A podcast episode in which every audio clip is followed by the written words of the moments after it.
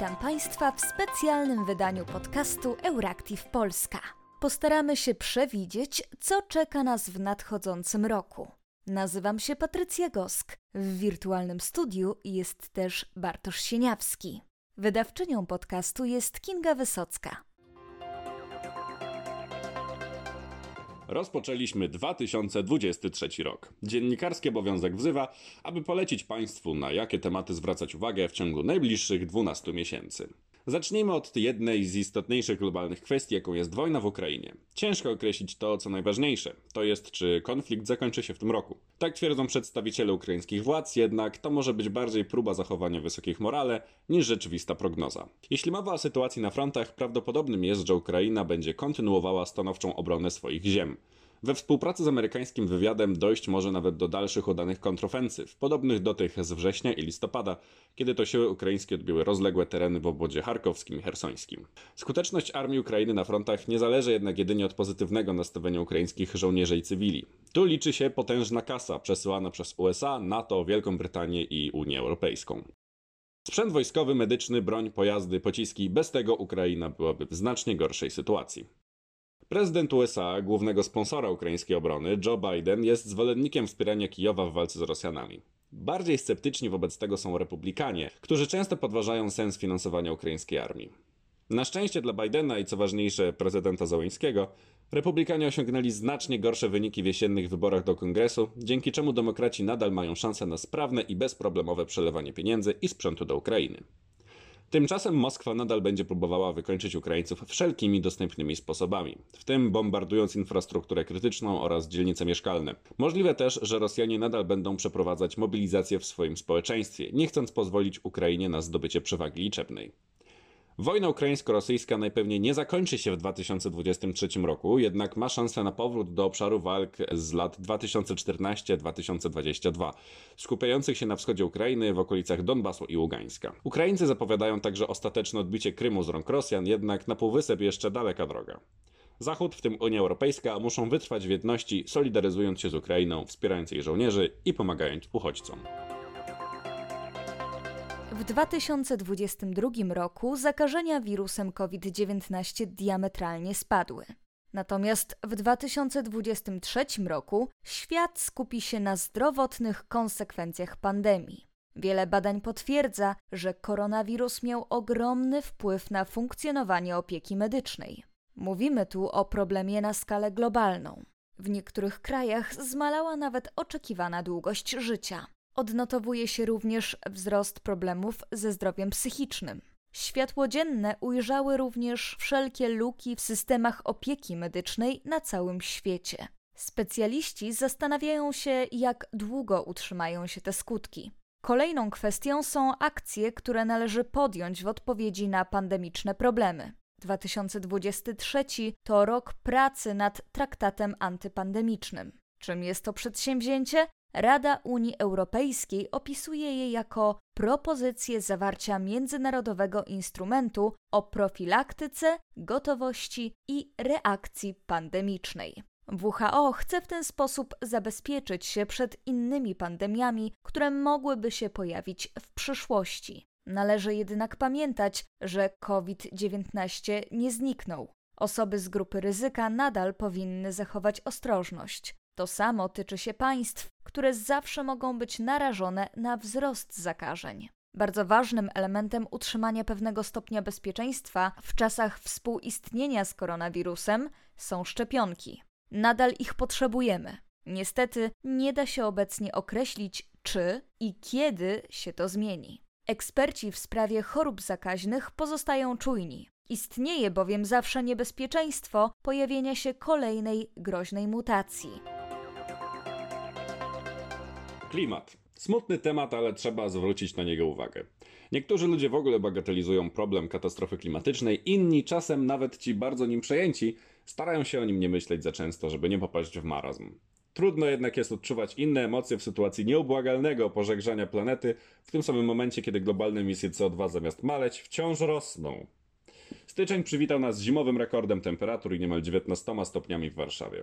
Po sylwestrowego kaca można było leczyć w samej bieliźnie odpoczywając na balkonie. Obawiam się, że niestety i 2023 rok nie przyniesie żadnego przełomu w sprawie walki z katastrofą klimatyczną. Bogaci nadal będą latać po bułki do sklepu prywatnymi odrzutowcami, zatruwając atmosferę gazami cieplarnianymi. Węgiel nadal będzie spalany w, w elektrowniach, a technologie OZE niewystarczające lub w powijakach. Trudne wyzwanie pokoleniowe nam się trafiło, nie da się ukryć. Warto jednak spojrzeć na wielki projekt zielonej energii, który pod koniec 2022 roku wprowadziła w życie administracja Joe Bidena. Pakiet przepisów i regulacji będzie znacznie wspierał rozwój zielonych technologii. I może właśnie takim, w takim finansowaniu jest metoda. Jasne, na Ziemi naturalnie rosną drzewa pochłaniające CO2 z atmosfery, ale może w ciągu najbliższych kilku dobrze finansowanych lat stworzymy technologię jeszcze skuteczniej ściągającą gazy cieplarniane z powietrza? Trzymajmy kciuki, bo czasu jest coraz mniej. Do tej pory na świecie nadal będą topnieć lodowce, wiać gwałtowne wichury, padać ulewne deszcze, występować powodzie, susze, zabójcze temperatury i śnieżyce. Szczęśliwego nowego roku! W 2023 roku prawdopodobnie przynajmniej jeden kraj dołączy do NATO. W wyniku inwazji Rosji na Ukrainę Szwecja i Finlandia ogłosiły chęć przystąpienia do organizacji Traktatu Północnoatlantyckiego.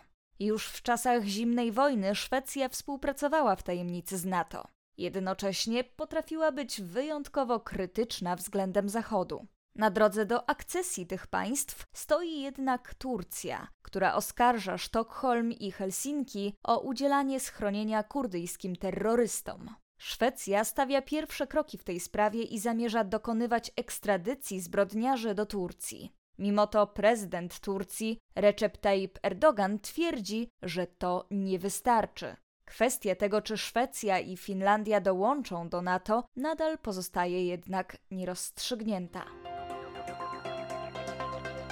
No i zapomnieć oczywiście nie możemy o nadchodzących wyborach w Polsce. Już jesienią wszyscy ruszymy do urn i wybierzemy dziesiątą kadencję parlamentu III RP, która według planu będzie trwać do 2027 roku.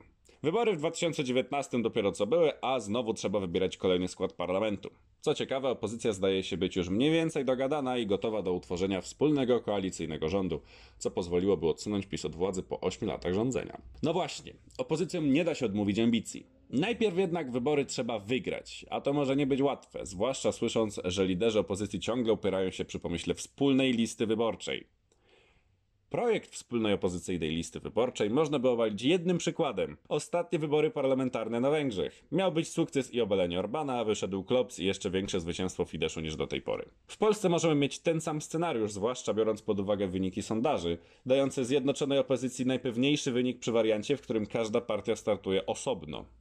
No bo ciężko będzie socjalistom, oddającym głos na Macieja Koniecznego z Lewicy Razem, oddać głos na listę, na której znajdzie się na przykład liberał Sławomir Nitras z Koalicji Europejskiej, który rzucał już w stronę lewicy groźby, kiedy będziemy rządzili z Konfederacją, to my będziemy rządzili, a Konfederacja zajmie się wami.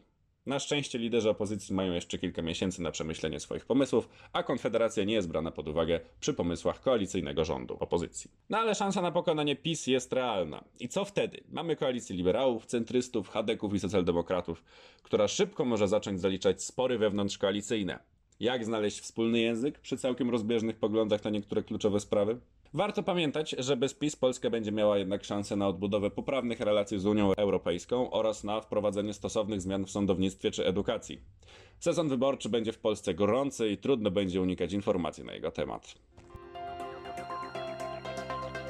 2023 ma być również ciężkim rokiem dla światowej gospodarki. Tak przynajmniej twierdzi dyrektor zarządzający Międzynarodowego Funduszu Walutowego Kristalina Georgiewa. Swoją prognozę uzasadniła w programie Face the Nation, twierdząc, iż w tym samym momencie zwalniają trzy ważne gospodarki. Mowa tu o Stanach Zjednoczonych, Europie i Chinach. Jednym z czynników wpływających na sytuację jest wojna w Ukrainie.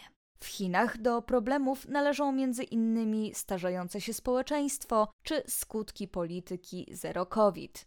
Według Georgiewy chińska gospodarka powinna poprawić się bliżej końca roku, ale podkreśla, że nie jest to pewne.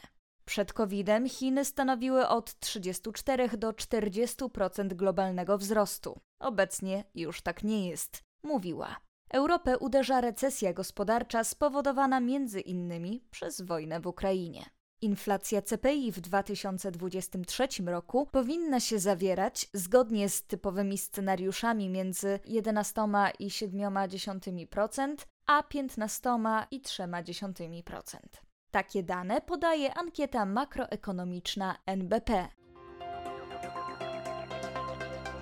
To już wszystko w dzisiejszym specjalnym wydaniu podcastu redakcji Euractiv Polska. Życzymy Państwu dobrego nowego roku.